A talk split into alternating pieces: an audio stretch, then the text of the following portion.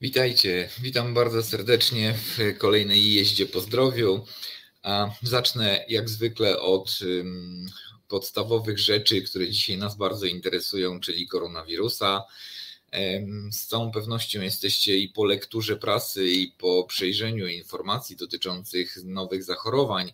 Natomiast ja jak zwykle odniosę się do nich. No, pierwsza sprawa, która może niektórych uspokajać, to jest nierosnąca liczba nowych zakażeń, nierosnąca powyżej 30 tysięcy, których się spodziewaliśmy. Jesteśmy dzisiaj w granicach do 20 tysięcy. No, ale trzeba patrzeć na to, że zaczyna nam się znowu taka tendencja wzrostowa, jeśli chodzi o zgony. E, tutaj obserwuję dzisiaj w danych, które mam e, ze szpitali, nie tyle z domeny publicznej, tylko ze szpitali, że coraz więcej mamy osób starszych, osób schorowanych, akuratnie e, tutaj u osób starszych to są schorzenia wieku podeszłego, ale zwraca uwagę to, że jest sporo osób starszych niekoniecznie obciążonych ciężkimi chorobami. Przechodzą tą infekcję dość długo e, i te hospitalizacje często się wydłużają. Zwracam też Waszą uwagę na mm, tego nowego omikrona, ten, ten nowy, nową mutację.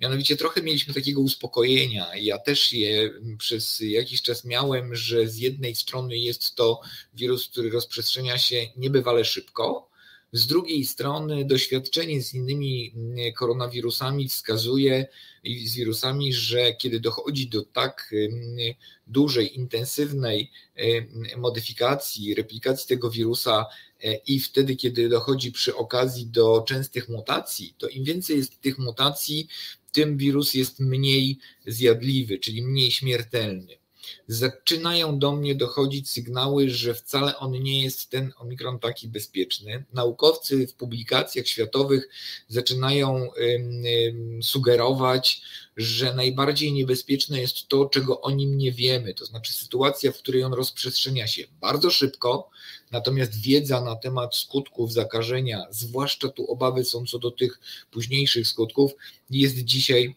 znikoma. E, zatem chciałem powiedzieć tak, po pierwsze widzimy, że chorują nam dzieci, widzimy, że dzieci chorują nam dość burzliwie, intensywnie. E, ten, ta choroba przebiega z wysoką gorączką, ma taki charakter niekoniecznie podobny do poprzedniego koronawirusa. Po drugie, dostrzegamy, że właśnie omikron rozprzestrzenia się dość szybko, ale dostrzegamy, jak mocno atakuje osoby starsze. Są to objawy podobne do grypowych, chociaż z bardzo niską saturacją, z wysoką gorączką. No i moja taka obserwacja że u tych osób starszych ten okres wylęgania się, e, czy okres do pojawienia się pierwszych objawów od hipotetycznego oczywiście momentu zakażenia się skrócił. E, skrócił się i, i te objawy występują czasem po kilku dniach od kontaktu. Chciałem też zwrócić Waszą uwagę na to, co dzieje się jeśli chodzi o nasze szpitale, jeśli chodzi o system zabezpieczenia szpitalnego. E, tych łóżek covidowych wydzielono już sporo, już dużo, ale zauważcie, że coraz lepiej działa taka koordynacja przekazywania informacji i zwiększania liczby łóżek covidowych. Widać, że wojewodowie e, reagują na to dość szybko, więc można powiedzieć, że COVID nawet ten niezbyt mocno objawowy, tą opiekę szpitalną ma. Gorzej mamy z dostępem do POZ-u. Tutaj nie poprawiła się sytuacja dostępności do POZ-u. No, ale za to rząd tutaj zapowiedział i dość stara się być konsekwentny w tym, żeby wprowadzać ograniczenia. Przy czym oczywiście te ograniczenia to zmniejszenie proporcjonalnej liczby e, udziału w imprezach masowych, w miejscach publicznych osób niezaszczepionych de facto. No i te osoby zaszczepione nie wchodzą w limit tych ograniczeń. Trzeba pamiętać, że osoba zaszczepiona ma taki moment, taki okres, w którym tego koronawirusa przenosi, może go przenosić.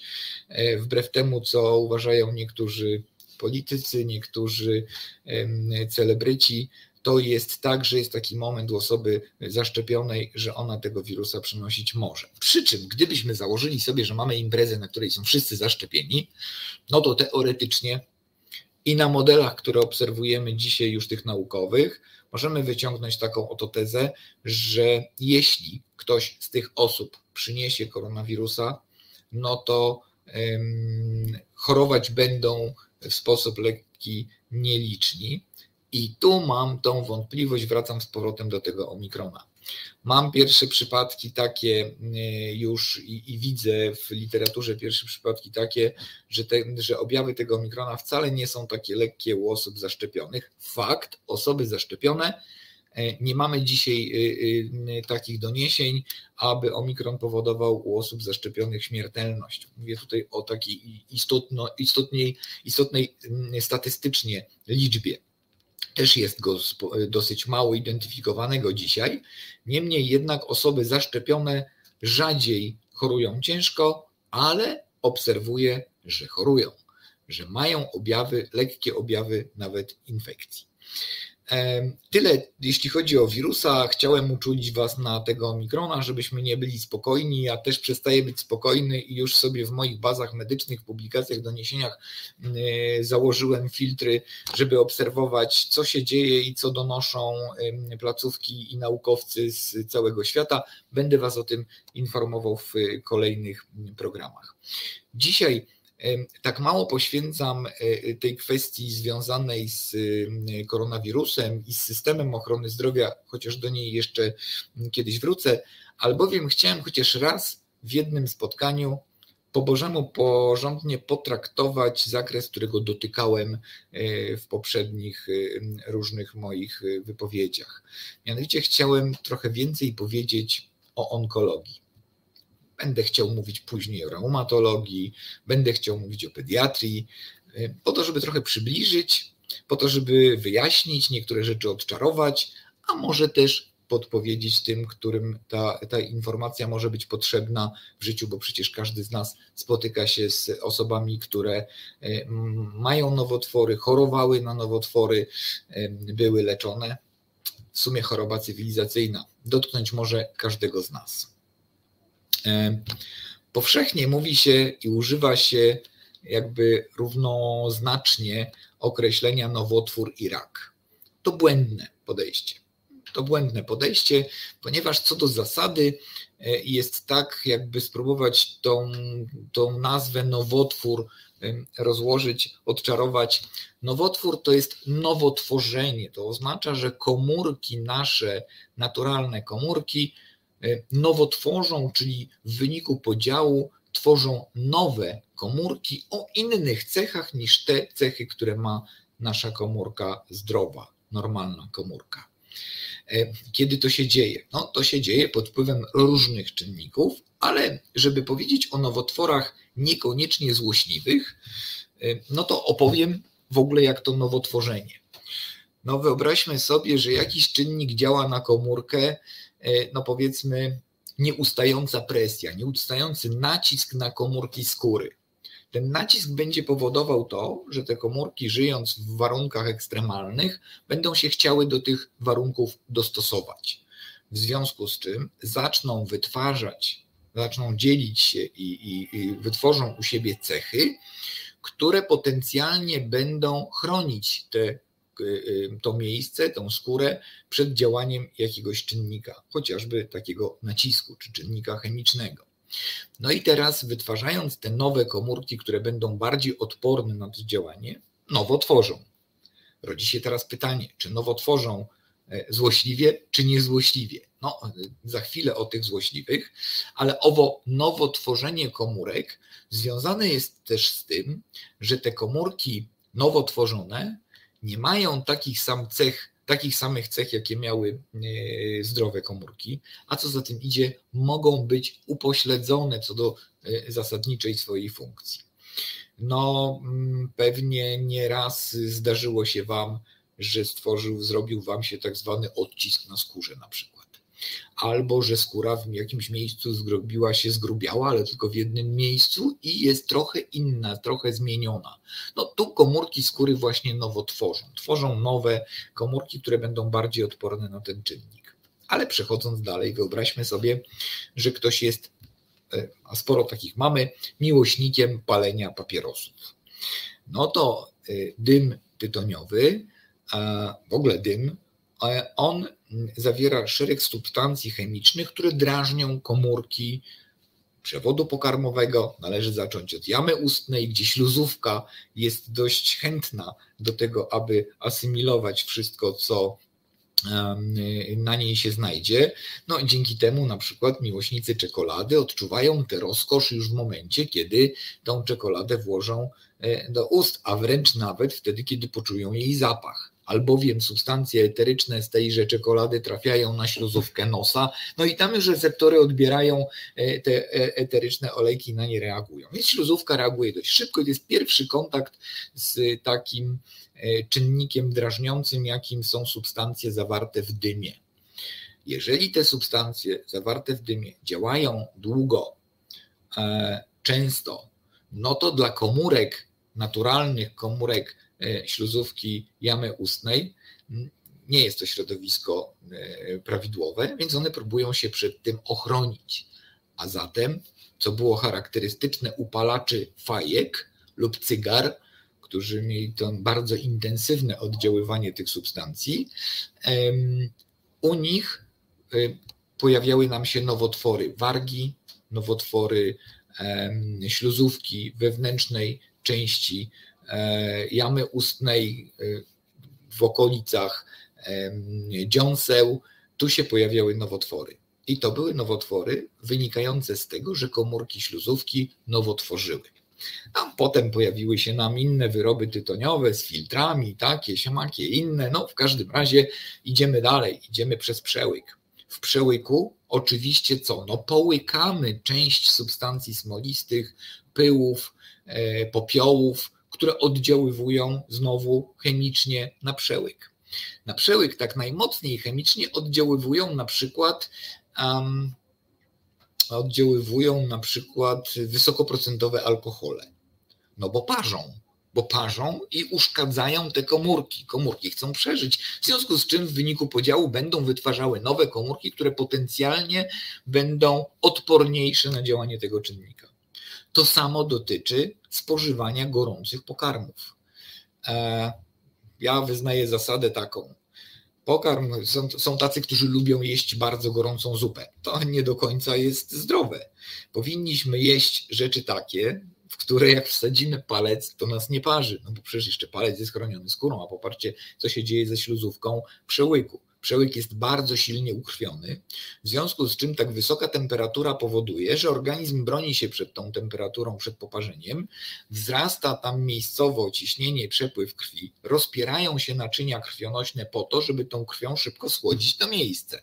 To rozpieranie i kurczenie się naczyń krwionośnych będzie powodowało żylaki przełyku. No, charakterystyczne zresztą u osób z przewlekłą chorobą alkoholową, pijących wysokoprocentowe alkohole, e, to, to właśnie jest ten efekt. Ale to również oddziaływuje na śluzówkę przełyku i ona broniąc się przed tym również będzie wytwarzała komórki, które będą potencjalnie odporniejsze na ten czynnik. Hm, czy one są odporniejsze?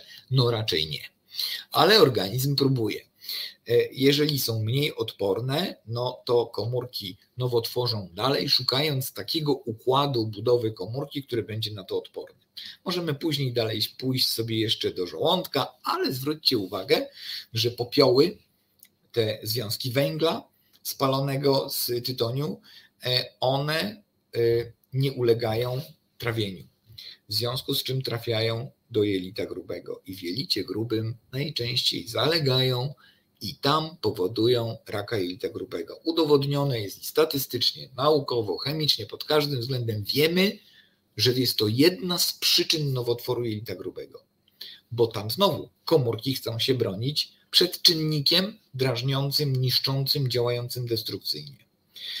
No i teraz, jak już mówimy sobie o nowotworach, no to te nowotwory mogą mieć charakter łagodny, czyli nie będą miały zdolności do przerzucania, a w momencie, kiedy pojawia się im zdolność do przerzucania, czyli do, mają tak zwany potencjał replikacyjny i są w stanie dzielić się i mają potencjał do przerzucania, no to mówimy o nowotworze złośliwym.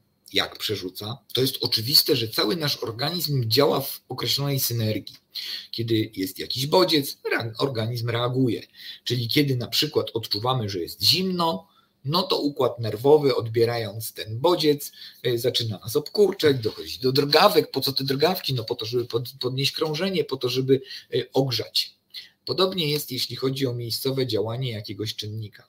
Komórki, mm, nasz organizm przekazują informacje o e, szkodliwym jakimś czynniku do kolejnych komórek. Tak również przekazywana jest informacja do komórek z innych narządów o tym, że trzeba się modyfikować, bo jest jakiś czynnik, który zagraża.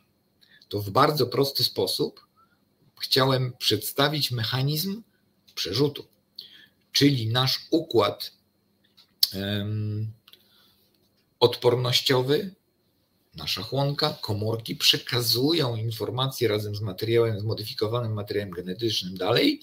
Uwaga, uwaga, jest czynnik, który drażni, jest czynnik, który niszczy komórki, trzeba się, e, trzeba zmodyfikować.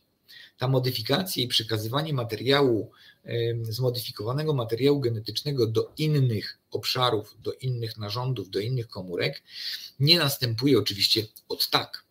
Mamy jeszcze układ chłonny, czyli układ, którego za, zadaniem jest wychwytywanie tych błędnych, nieprawidłowych komórek, w tym również wychwytywanie patogenów typu wirusy, typu bakterie, które są tam neutralizowane.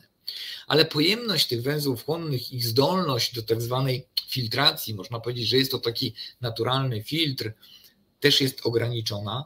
I co więcej, one przecież też składają się z komórek. W związku z czym ten materiał E, umieszczony w węźle chłonnym również będzie powodował do, przekazywanie materiału genetycznego z komórek zmienionych i będzie powodował nowotworzenie również tych węzłów.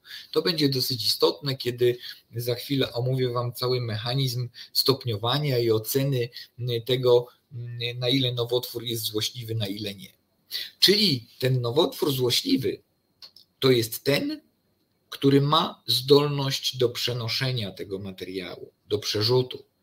E, dodatkowo on jeszcze ma tę zdolność tak zwanej ucieczki immunologicznej. To oznacza, że on potrafi schować się przed naszym układem odpornościowym, że nasze, nasz układ odpornościowy nie jest w stanie rozpoznać tej modyfikacji i jej przeciwdziałać. Co jest istotne, e, te komórki nowotworowe, złośliwe, one są też niestabilne genetycznie, to znaczy one cały czas modyfikują, one cały czas w wyniku podziału próbują wytworzyć lepszą wersję siebie, bardziej odporną na e, czynnik, który to powoduje. Ja tutaj mówiłem o czynnikach zewnętrznych, typu palenie papierosów, typu e, picie alkoholu, zanieczyszczenie środowiska, to co spożywamy, bo, bo, bo przecież jemy e, e, produkty, które bardzo często są traktowane różnego rodzaju środkami konserwującymi, chociaż ich poziom powinien być bezpieczny. No, niemniej jednak zanieczyszczenie środowiska, stosowanie chemii i to, co nam niesie cywilizacja, bardzo się do tego przyczynia. E, ale innym czynnikiem mogą być również e, pewne predyspozycje genetyczne. Predyspozycje genetyczne, gdzie cechą dziedziczoną przez e, człowieka jest podatność czy zdolność do takiej wadliwej replikacji komórek. I tutaj cała diagnostyka genetyczna, cała, całe typowanie genowe pozwala na to, aby po pierwsze odpowiedzieć sobie na pytanie, czy taką predyspozycję mamy. Bo na przykład ktoś od nas z rodziny chorował. No, chorowała babcia e, na jakiś określony typ nowotworu, chorował dziadek, więc pewnie jest to predyspozycja. Z czego ona się wzięła? No ano z tego, że jeżeli my w jakiś sposób doprowadziliśmy do tego, do uruchomienia tego łańcucha replikacji, do uruchomienia tego łańcucha nowotworzenia, to my swój materiał genetyczny, zmodyfikowany przez nas, przez środowisko, przez różne rzeczy, przekazujemy dalszym, następnemu pokoleniu. Był taki człowiek, e, nie wiem, pewnie pamiętacie, który się bawił groszkami, e, krzyżował te groszki, pokazując, jak poszczególne pokolenia dziedziczą różne cechy. Prawa Mendla tutaj mają spore zastosowanie w tym, w tym w tej prawdopodobieństwie dziedziczenia cechy predyspozycji do występowania określonego nowotworu. E, dzisiaj medycyna poszła tak daleko, że jesteśmy w stanie nie tylko diagnozować samego pacjenta, ale jesteśmy w stanie diagnozować również rodzinę, jesteśmy w stanie na przykład, kiedy choruje mama, e, e, przeprowadzić diagnostykę w kierunku prawdopodobieństwa czy tej predyspozycji wystąpienia e, nowotworu, nowotworu złośliwego. O diagnostyce molekularnej i o tym, co genetyka w diagnostyce czyni, jak bardzo jest to dostępne, mam nadzieję, że będę mógł opowiedzieć wspólnie z bardzo ciekawym gościem w kolejnym programie. Wracając do kwestii tych nowotworów złośliwych. Tak jak powiedziałem, te nowotwory złośliwe to są te, które mają zdolności do przerzucania, aczkolwiek nie wszystkie, bo są również nowotwory, które są złośliwe miejscowo, czyli one mają taką zdolność do roznoszenia tego w obszarze jakiegoś narządu i w okolicach tego narządu. Jeżeli chodzi o nowotwory, jeśli chodzi o diagnostykę nowotworów, no to pierwsza sprawa, o jakiej warto byłoby powiedzieć, to diagnostyka. To, to, to diagnostyka obrazowa. W diagnostyce obrazowej, jak wiecie, poszliśmy bardzo daleko do przodu. Mamy tomografię, mamy rezonans, mamy y, bardzo rozwiniętą ultrasonografię z możliwością już y, widzenia takiego przestrzennego. Natomiast w onkologii ma zastosowanie bardzo dobre badanie obrazowe jako to badanie pierwszego rzutu. Kiedy mamy podejrzenie choroby rozrostowej, kiedy mamy podejrzenie, że jest nowotwór i nie wiemy, czy on jest złośliwy, czy nie, no to to badanie obrazowe pokaże nam przede wszystkim zmianę. Pokaże nam, czy mamy guza, czy na przykład mamy polipy, tak jak w przypadku e, jelita, e, jelita e, grubego, często występują tam polipy, które są zmianą nowotworową łagodną, ale nie wychwycone wcześniej, pozostawione, że tak powiem, same sobie, będą nowotworzyły dalej i najczęściej prowadzą do nowotworu złośliwego. A zatem usunięcie takich polipów, odnalezienie ich w badaniu endoskopowym, e, w kolonoskopii, daje możliwość od razu ich usunięcia, zbadania materiału pod mikroskopem e, no i najczęściej uchronienie kogoś przed rozwojem tej choroby dalej, przed dalszym nowotworzeniem, dalszym podziałem i modyfikacją komórek mm, e, e, tego, tego polipa do takiej modyfikacji, która już ten materiał będzie ogłaszać innym komórkom w naszym organizmie. Kolejną metodą e, badania jest tak zwany PET. No, wszyscy tutaj mówią o tym, że PET to już jest w ogóle technologia wow, wow, wow. To chcę powiedzieć tak w USG każdy z Was się z tym zetknął, wiecie co to jest. Jeśli chodzi o tomografię i rezonans magnetyczny, to jest taki rodzaj, w cudzysłowie powiem, prześwietlenia, w którym stosujemy e, zaawansowaną technikę obrazowania, bo to głównie o to chodzi. Prześwietlamy wiązkami, obrazujemy e, komputer odtwarza nam obraz, jakby powiedzieć, plasterek po plasterku, i jesteśmy w stanie obejrzeć e, każdy narząd, jesteśmy w stanie obejrzeć wnętrze e, e, człowieka. Natomiast jeśli chodzi o PET, czyli pozytonową tomografię emisyjną, to na czym ona polega? Ano, ona jest pewnym połączeniem diagnostyki obrazowej z, ze swoistym testem funkcjonowania komórek. Robi się to tak. Najpierw wykonujemy komuś tomografię, taką zwykłą, obrazek. I patrzymy, jak wygląda, e, jak wygląda narząd jego komórki przy normalnym metabolizmie. Z badań, z obserwacji, z nauki wiemy, że komórki nowotworowe są bardzo intensywne w swoim życiu, no bo one próbują się dostosować do warunków, tak jak wcześniej mówiłem. Czyli one intensyw, mają bardzo intensywny y, proces metaboliczny. one konsumują, dzięki czemu się dzielą znacznie szybciej niż komórki zdrowe. No, to związane jest z wytwarzaniem energii, bo ten metabolizm jest podwyższony, więc ta energia idzie bardzo szybko. Jesteśmy w stanie zaobserwować, jak wygląda proces metaboliczny dzięki temu, że wytwarzają energię chociażby w postaci ciepła. Co robimy? Ano dajemy pacjentowi cukier, glukozę. Dajemy mu dużą dawkę glukozy, odczekamy chwilę, no i teraz wszystkie komórki w organizmie, a powiedzmy obserwujemy sobie jakiś narząd, więc wszystkie komórki w tym narządzie żywią się tą glukozą, cieszą się, miam, miam, miam, jest wszystko fajnie i my obserwujemy jaki jest poziom emisji energetycznej tych komórek. Ale komórki nowotworowe mają ten poziom znacznie wyższy. My to mówimy świeci, świeci. I wtedy widzimy, że jeżeli mamy obszar, w którym metabolizm jest podwyższony, to najprawdopodobniej z bardzo dużą, bardzo dużym prawdopodobieństwem możemy powiedzieć, że to jest komórka nowotworowa. No i teraz z jednej strony cudowna metoda diagnostyczna, bardzo fajna. Z drugiej strony nie jest ona tak dobra, mówimy w diagnostyce, nazywamy widna we wszystkich rodzajach nowotworów. A dlaczego? A no właśnie z uwagi na ten metabolizm, z uwagi na to, że nie wszystkie komórki, nie wszystkich narządów, nie wszystkich obszarów będą w taki sposób reagowały, że zobaczymy dużą różnicę e, tego metabolizmu. Ba, nawet niektóre komórki powinny tak reagować, że powinny ten metabolizm podnosić e, bardzo istotnie. No i tu e, w niektórych nowotworach, w niektórych typach nowotworów jest to badanie bardzo dobre, no, a w niektórych nie. To tyle, jeśli chodzi o badania obrazowe. E, więc chciałem tutaj, mówiąc o PECie, powiedzieć: tak, jest to super osiągnięcie, ale naprawdę dla wąskiej, wybranej grupy nowotworów i nie stanowi e, takiego, mm, takiej diagnostyki zasadniczej, podstawowej, po której możemy powiedzieć: tak, to jest rak, czy tak, to jest nowotwór. Idąc dalej, mamy badania y, takie, które mm, rzeczywiście pokazują nam już obraz komórek, czyli rzeczywiście widzimy, że ta komórka została zmieniona.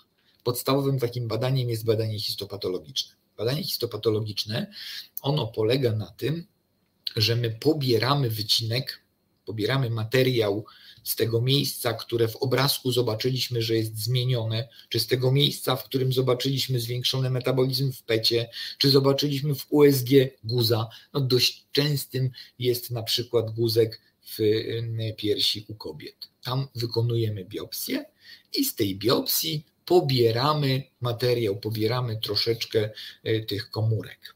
One e, następnie są poddawane obróbce laboratoryjnej po to, żeby je wybarwić. Jak mamy większy materiał, czyli wycinamy coś, to to się e, w specjalny sposób przygotowuje do obejrzenia, umieszcza się w bloczkach parafinowych, to musi nasiąknąć tą parafiną, umieszcza się w bloczkach parafinowych, po czym kroi się na bardzo cieniusieńkie plasterki, przygotowuje się preparaty pod mikroskopem i histopatolog ogląda te komórki pod mikroskopem już po ich wybarwieniu.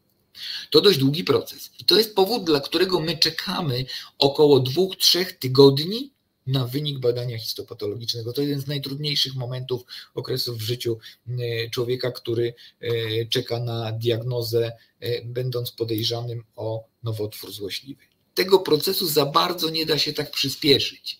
E, to y, najdokładniejsze badanie jednak jest wykonywane przez człowieka. Człowiek to ogląda. Są systemy komputerowe, które porównują, wyrównują, ale po to, żeby to we właściwy sposób zbadać, jednak ludzkie oko e, i doświadczenie i, i znajomość budowy tych komórek jest tutaj podstawowa. I tu w tym badaniu określa się, y, jak komórka znowotworzyła jak komórka przebudowała swoją strukturę, do czegoż to doszło, że mamy zmianę rozrostową, że powstał guzek. Idąc dalej, ten materiał może być dalej poddawany wspomnianemu, wspominanemu przeze mnie wielokrotnie e, e, badaniu typowania genomowego. Czyli określenia genotypu, czyli bardzo precyzyjnego określenia, który to gen, co tam się wydarzyło w, tym, e, e, w tej komórce e, i jaki mechanizm powoduje, że ona się namnaża, co za tym idzie, co możemy zrobić, aby to powstrzymać. Tak czy inaczej, badanie histopatologiczne, czyli badanie materiału pobranego od pacjenta, jest ważne nie tylko z tego powodu, że odpowiadamy sobie na pytanie, czy to jest nowotwór złośliwy, ale również odpowiadamy sobie na pytanie, jakiego rodzaju jest to komórka, jaki ma stopień złośliwości, a odpowiadamy sobie tym samym na pytanie, w jaki sposób ją możemy leczyć. Albowiem badania dotyczące, kliniczne dotyczące e, leków stosowanych w onkologii, od chociażby cytostatyków, chemioterapii, chemii popularnie zwanej, one zawsze idą w tą stronę, jak będzie oddziaływała ta substancja na tą komórkę.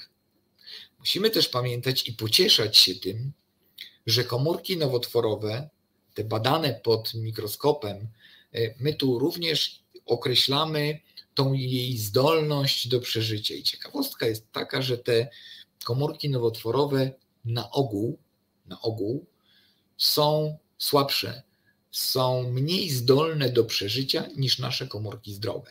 No bo wtedy, mówiąc bardzo prosto, kolokwialnie, komórka broniąc się przed e, jakimś czynnikiem działającym lub wpadając w e, błąd genetyczny podziału komórki, ona nie wytwarza komórki tak samo silnej jak nasza zdrowa. Co za tym idzie?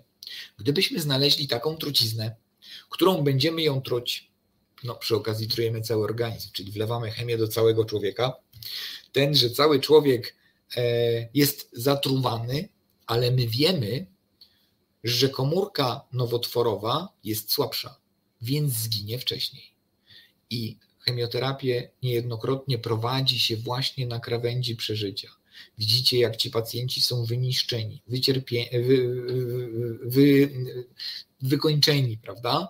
E, to prowadzi się na krawędzi przeżycia, bo cała sztuka w znalezieniu tego środka, tego momentu, w którym komórki nowotworowe nie są w stanie już przeżyć i nie są w stanie dalej się dzielić, a nasze zdrowe komórki, tak zatrute, tak zniszczone, będą w stanie zregenerować, będą w stanie się odtworzyć. Ci pacjenci mm, z dobrym leczeniem, oni później się e, są leczeni, leczy się im powikłania po chemioterapii, bo to jest bardzo silne zatrucie, ale przywraca się tą funkcjonalność, przywraca się to, to działanie zdrowych komórek. To byłoby szczytem szczęścia, gdyby w chemioterapii zawsze udawało się nam w ten środek trafić i gdybyśmy mieli takie substancje, takie e, e, e, leki w chemioterapii, które zawsze tą komórkę nowotworową zniszczą. I przedmiotem badania histopatologicznego jest wskazanie terapeucie, z której grupy leki mogą na tą komórkę najlepiej podziałać.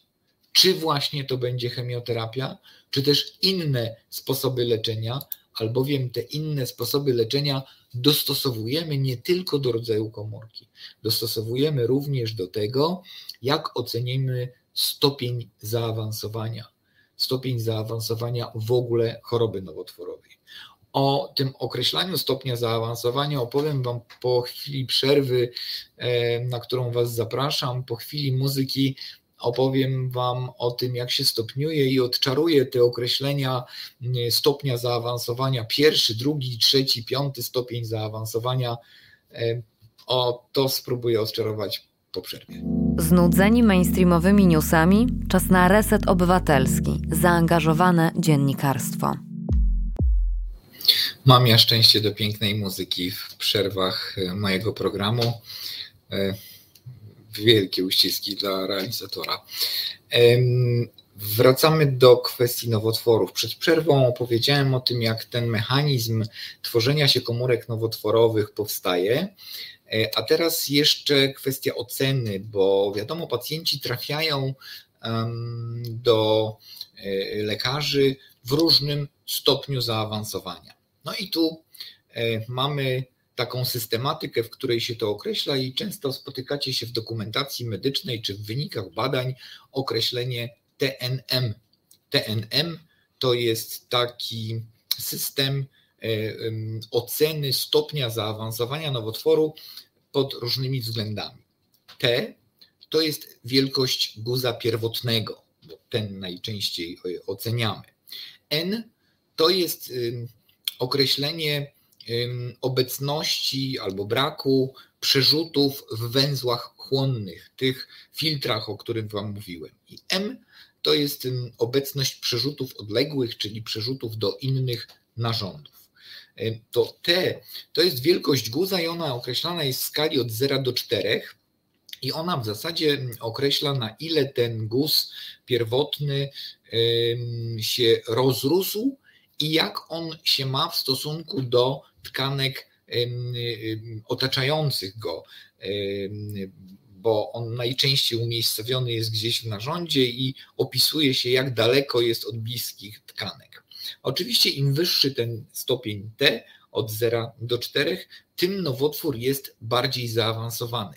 Przy czym tu też jest tak, że w takich guzach, na przykład jak rak piersi, określa się to dla guzów o wielkości do 2 cm. E, no a mm, na przykład w przypadku nowotworów narządów, no na przykład takich jak żołądek czy jelito, ta liczba, ta, ta, ta liczba T, ona nie określa wielkości guza, tylko głębokość naciekania przez nowotwór w warstwy ścianki danego narządu, czyli na przykład żołądka. N określa, ta liczba N określa stopień rozprzestrzeniania się do węzłów chłonnych, no i oczywiście analogicznie skalę tutaj mamy od 0 do 3, e, no i tutaj jak mamy zajęte węzły chłonne, no to y, te regionalne węzły chłonne bliskie temu narządowi, y, dalsze węzły chłonne określa się y, właśnie tą liczbą. Jeżeli się nie stwierdza przerzutów do węzłów chłonnych, no to wówczas podaje się 0, a jeżeli mamy liczbę 3, to się już mówi, że są mnogie. Tam nie zlicza się liczby tych węzłów chłonnych, tylko podaje się, odczytywać to należy jako mnogie. Cecha M, ona opisuje to, czy mamy przerzuty odległe, czy nie, czyli do innych narządów. No tutaj skala jest od 0 do 1, czyli M0 oznacza, że nie ma przerzutów do innych narządów, M1 oznacza, że mamy przerzuty do innych narządów. I tutaj Gdybyśmy mieli powiedzieć o takim najbardziej zaawansowanym e, poziomie nowotworu, no to oczywiście we wszystkich tych elementach mielibyśmy graniczne, krytyczne wysokości, wartości tych, tych elementów. Jeszcze oceniamy taki stopień zaawansowania nowotworu na podstawie tej skali, o której mówiłem. I mamy tutaj taką skalę, w której od 0 e, do 4 i to jest skala, która wtedy, kiedy mówimy o stopniu zaawansowania 0, to mówimy o nowotworze w bardzo wczesnej fazie. To znaczy, to jest taki, który jeszcze jest przedinwazyjny, który nie ma przyrzutów, nie ma zajętych węzłów, którego wielkość e, jest mała, czyli jak mówiłem w przypadku piersi, e, mamy od 0 do 2, czyli bardzo mała i to wcześnie wychwycony nowotwór, body, bodaj by nam się tak to udawało e, e, uchwycić w miarę e, często. I czasem nawet określany jest jako karcinoma in situ, przed, przedinwazyjny. Tutaj w tym miejscu on się znajduje i nigdzie więcej. Pierwszy stopień to jest nowotwór we wczesnej fazie rozwoju, kiedy widzimy, że mamy zmianę i widzimy, że ta zmiana, po pierwsze, jeżeli oceniamy wielkość, to ona już jest taka, że zaczyna dotykać przyległych tkanek, e, zaczyna naciekać na przyległe tkanki, ale jeszcze jest miejscowa, ale często ma zajęte węzły chłonne, na przykład tylko jeden węzeł przyległy albo w ogóle. E, nowotwór średnio zaawansowany to jest drugi stopień, taki nowotwór zaawansowany to trzeci i czwarty, to jest nowotwór bardzo zaawansowany z przerzutami odległymi. No i te stopnie e, często e, podawane są po to, żeby ukierunkować terapeutów, żeby wskazać, e, jakie metody leczenia należy przyjąć. Albowiem zawsze jest tak, że podejmuje się leczenie nowotworu ukierunkowane na tą zmianę pierwotną. Stamtąd mamy komórkę nowotworową, którą zbadaliśmy, y, stamtąd mamy informacje o tym, jaki jest stopień zaawansowania. Często mamy to badanie genomowe, bo zastosowanie substancji czynnej, na przykład jakiejś chemioterapii, na ten nowotwór będzie działać na niego i na wszystkie jego przerzuty. No bo to charakterystyczne dla tej komórki i tą komórkę chcemy niszczyć. Natomiast niejednokrotnie jest tak, że zarówno zmiana pierwotna, jak i zmiany wtórne, przerzutowe, tak zwane zmiany meta, y, one podlegają również leczeniu. I w zależności od lokalizacji albo wykonuje się zabiegi radykalnego czy częściowego usunięcia takiej zmiany, no, czy radykalne, czy częściowe, to zależy jak zajęty jest narząd. Czasem ten narząd usunąć możemy w całości, czasem usuwamy jego część. Czasem jest tak, że jesteśmy w stanie usunąć część tego narządu, bo pozostałą widzimy jako niezajętą. Trzeba też zdawać sobie sprawę z tego, że przy zaawansowanej chorobie nowotworowej my, a i owszem, leczymy, nie zawsze wiemy, że możemy wyleczyć. Stąd tutaj bardzo chciałbym Wam zdefiniować e, coś, z czym staram się też walczyć wszędzie, gdzie ktoś mówi o leczeniu paliatywnym. Leczenie zasadnicze, takie radykalne, to jest takie, w którym możemy pacjenta wyleczyć. Czyli mam zmianę miejscową, jest powiedzmy sobie guz, już trzymajmy się e, e, nowotworu piersi, usuwamy tego guza, nie mamy, mamy niski stopień zaawansowania, nie mamy cech przerzutowych, w związku z czym usuwamy tego guza i to jest, uważamy, leczenie radykalne. To znaczy, usunęliśmy i pacjentka jest zdrowa. Ona oczywiście podlega później tak zwanym follow-upom, czyli kontroli, czyli badaniu systematycznemu. Jeśli zmiana w piersi jest większa, Standardy mówią o zmianie do 1 cm. Jeżeli jest 1 cm i więcej, to stosujemy leczenie uzupełniające. Leczenie uzupełniające, tak zwane adiuwantowe, można powiedzieć profilaktyczne. I tu podaje się pacjentkom e, leki, podaje się wlewy dożylne, których celem jest zapobieżenie przerzutowi tego nowotworu, na wypadek, gdyby on przerzucił, a my byśmy tego w diagnostyce nie wychwycili, bo rozmawiamy o diagnostyce na poziomie e, komórek. No więc wyobraźmy sobie teraz, że ten guz, który ma 1 cm i więcej, który jest w takim stadium rozwoju, że możemy go podejrzewać, że zdążył już tą informację do innych komórek wysłać, a my tego nie zauważyliśmy w żadnych zmianach przerzutowych, nigdzie w węzłach. Wydaje się wszystko czysto, ale statystyki pokazywały przez lata, że u tych pacjentek do 1 cm, powyżej 1 cm następowały u co których pacjentek wznowy i przerzuty. No i żeby temu zapobiec, stosuje się leczenie adiuwantowe, czyli taką substancję, która ma na celu wyniszczenie, zablokowanie tych receptorów, które e, spowodują E, e, zablokowanie tej, tej, tej zdolności po, podziału komórek, za, za, zabezpieczając pacjentkę przed przerzutami. Trzeba sobie uczciwie powiedzieć, że my wiemy, że nie każda zachoruje, ale nie wiemy, która, w związku z czym leczymy wszystkie. To taka profilaktyka. No i teraz wyleczony pacjent radykalnie jest obserwowany. W standardzie onkologicznym uważa się, że 5 lat od leczenia radykalnego bez wznowy mówimy, że jest pacjent wyleczony. I to jest leczenie radykalne. Mamy również leczenie paliatywne. Leczenie paliatywne wcale nie oznacza leczenia terminalnego.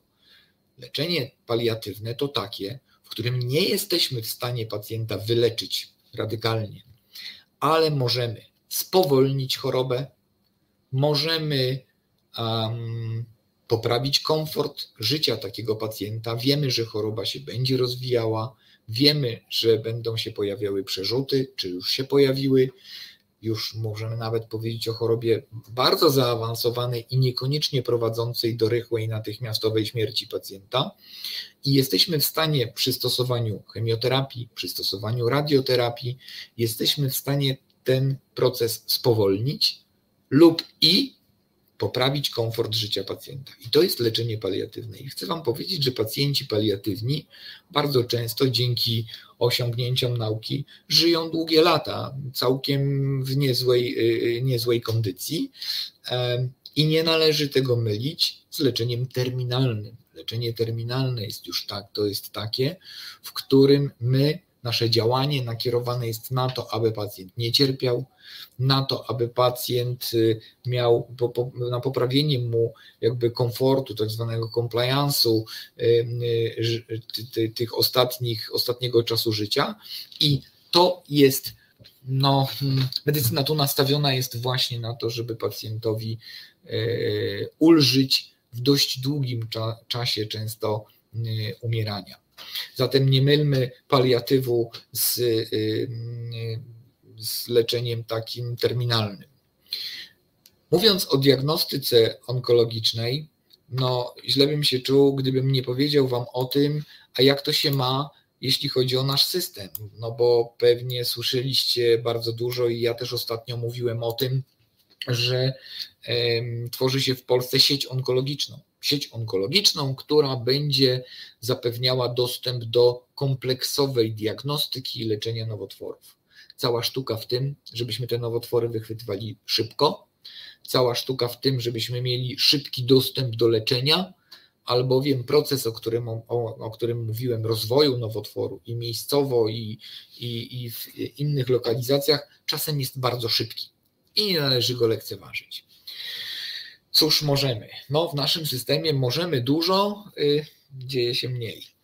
Po pierwsze, nasz lekarz POZ-u, jak wiecie, mamy w Polsce tak zwaną ścieżkę, szybką ścieżkę onkologiczną. Zauważyliście to, e, wiele placówek ma takie piękne logo zielonej karty e, szybkiej ścieżki onkologicznej. Ona polega na tym, że tam lekarz POZ-u, kiedy podejrzewa u nas chorobę nowotworową, wystawia nam kartę DILO. Kartę, która jest specyficznym sygnałem, znakiem dla innych placówek, że powinny nas obsłużyć po pierwsze szybko, po drugie, że powinny w określonych terminach wykonać różne etapy. Powinny. Czy mogą? Nie zawsze mogą. No COVID to już w ogóle im bardzo to mm, utrudnia. Brak personelu, no, problemy finansowe. Ale co do zasady, przepis mówi, że z taką kartą onkologiczną pacjent powinien w ciągu 7 tygodni mieć wykonaną diagnostykę wstępną i diagnostykę pogłębioną. Tę diagnostykę wykonuje się u lekarza specjalisty, a w tym również u lekarza onkologa. Warto wspomnieć, że do lekarza onkologa nie potrzebujemy skierowania. Jak lekarz POZ-u z kartą DILO może nas skierować do chirurga, do gastroenterologa, do pulmonologa, bo na przykład stwierdza w obrazku zmianę w płucu i podejrzewa, że to może być zmiana nowotworowa, no to tam mamy skierowanie. Natomiast do onkologa idziemy bez skierowania.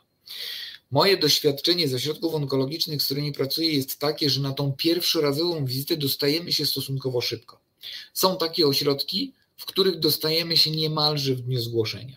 Tyle tylko, że ta pierwsza wizyta ona jest tylko i wyłącznie krótkim wywiadem z onkologiem i skierowaniem na szereg badań. I tu zaczyna się właśnie ta szybka ścieżka. W ciągu siedmiu tygodni, jak wspomniałem, powinniśmy mieć zrobioną diagnostykę wstępną i pogłębioną. Diagnostyka wstępna ma na celu stwierdzenie, że ta zmiana, którą mamy, jest zmianą nowotworową złośliwą. No i tu bardzo często tą wstępną diagnostyką jest właśnie wynik badania biopsji, czyli nakłucia pobrania materiału. Czasem odbywa się to poprzez skierowanie na zabieg usunięcia zmiany, usunięcia guza, który później będzie badany pod mikroskopem przez histopatologa. Diagnostyka pogłębiona natomiast, ona ma na celu określenie stopnia zaawansowania choroby. I tu będziemy mieli diagnostykę w kierunku tego, czy występują u nas gdzieś jeszcze przerzuty, zmiany meta, czy zajęte są węzły chłonne i tu również pojawi nam się badanie genetyczne. Badanie genetyczne, które określi stopień zaawansowania. Po tej diagnostyce następuje konsylium. Konsylium, czyli pacjent z kartą DILO u którego stwierdzono chorobę złośliwą, zawsze ma robione konsylium. To jest zespół interdyscyplinarny lekarzy z różnych dziedzin. i chirurga, i chemioterapeuty, i radioterapeuty, i diagnosty, którzy określają, w jaki sposób będziemy leczeni i proponują zabieg operacyjny, radioterapię, chemioterapię, cały ciąg naszego leczenia. To leczenie powinno być koordynowane przez koordynatora, czyli w, każdym, w każdej placówce onkologicznej taki koordynator być powinien. Jak komuś wydają kartę DILO i uzyskuje informacje na karcie DILO o, planu, o planie leczenia, to tam znajduje się informacja, kto jest koordynatorem. Warto na to spojrzeć. Jeśli nie ma ktoś tej karty DILO, nie odebrał jej z różnych powodów, to placówka jest w obowiązku wskazać takiego koordynatora. To jest osoba, która odpowie Wam na pytanie, gdzie ten pacjent się powinien udać, jakie po kolei będzie miał e, etapy leczenia, w jakich terminach, to powinien robić koordynator. Tak nawiasem mówiąc, placówki onkologiczne dostają za to dodatkowe pieniądze. Dostają za to dodatkowe wynagrodzenie za przeprowadzenie konsylium, mają również nielimitowane środki na leczenie pacjenta z kartą DILO, z jednym zastrzeżeniem. Nielimitowane, czyli ponad kontrakt, czyli dodatkowe pieniądze, pod warunkiem, że zdążą w terminach, że zdążą w 7 tygodni zrobić diagnostykę wstępną i pogłębioną i od momentu konsylium, czyli ustalenia planu leczenia, rozpoczną leczenie w ciągu 14 dni. Byłoby idealnie.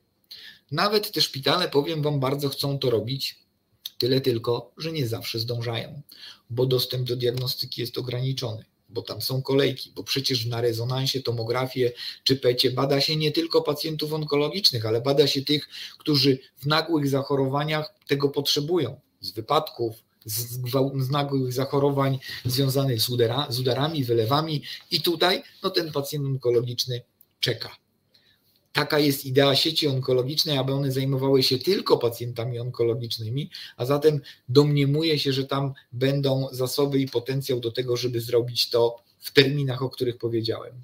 Niestety tak się nie dzieje. Niestety tak się nie dzieje i dzisiaj e, pacjent onkologiczny, jeśli chce zachować tą ścieżkę, często korzysta z diagnostyki prywatnie, płaci pieniądze po to, żeby mieć ten wynik jak najszybciej, żeby jak najszybciej skonsultować to z onkologiem. I ta ścieżka onkologiczna, te 7 tygodni dotyczące diagnostyki wstępnej i pogłębionej, czyli żebyśmy wiedzieli, że jest to nowotwór, jakiego typu, w jakim stopniu zaawansowania, i te 14 dni rozpoczęcia leczenia, to nie jest tylko kwestia przepisu to zostało opracowane na podstawie standardów i doświadczeń. Więc myślę i opowiadam Wam o tym dlatego, żeby każdy sam dla siebie miał taką ścieżkę onkologiczną w głowie, wtedy, kiedy ktoś z Waszych bliskich y, y, styka się, y, mierzy się z koniecznością diagnostyki leczenia onkologicznego. Lepiej taką ścieżkę mieć samemu w głowie i no trudno, nie wywalczymy z Narodowego Funduszu Zdrowia póki co i od świadczeniodawców tego, co gwarantuje nam e, szybkie leczenie, powinniśmy zadbać o to sami. Powinniśmy też sami zadbać o nasze badania profilaktyczne. Mamy szereg markerów, szereg badań, które dają nam możliwość diagnostyki. Od tej diagnostyki profilaktycznej, czyli jeśli ktoś w rodzinie chorował, przez tą diagnostykę, kiedy coś nas niepokoi. O tej diagnostyce szeroko opowiem mam nadzieję, w kolejnym e, odcinku, w kolejnym spotkaniu i zaproszę gości, którzy na tej diagnostyce się znają, którzy ją prowadzą i odpowiedzą na pytanie, czy warto od tak po prostu profilaktycznie zrobić badania, jeśli tak, to jakie? Które będą miarą tego, czy jestem zagrożony nowotworem, czy też nie?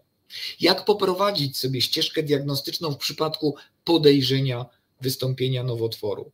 E, jak korzystać z tej opieki publicznej, a jak z prywatnej, kiedy należy machnąć ręką na to, czego nie mamy w publicznej i raczej walczyć o własne życie. E, będę o tym mówił w kolejnych odcinkach. E, chcąc zamknąć cały temat onkologii, chciałem powiedzieć tak. Dzisiaj o onkologii wiemy bardzo dużo. Mamy mnóstwo technik diagnostycznych i leczniczych. Zatem przyjrzyjmy się temu, chciejmy być świadomi, badajmy się, no i oczywiście oglądajmy jazdę po zdrowiu. Dziękuję, do zobaczenia. Reset Obywatelski.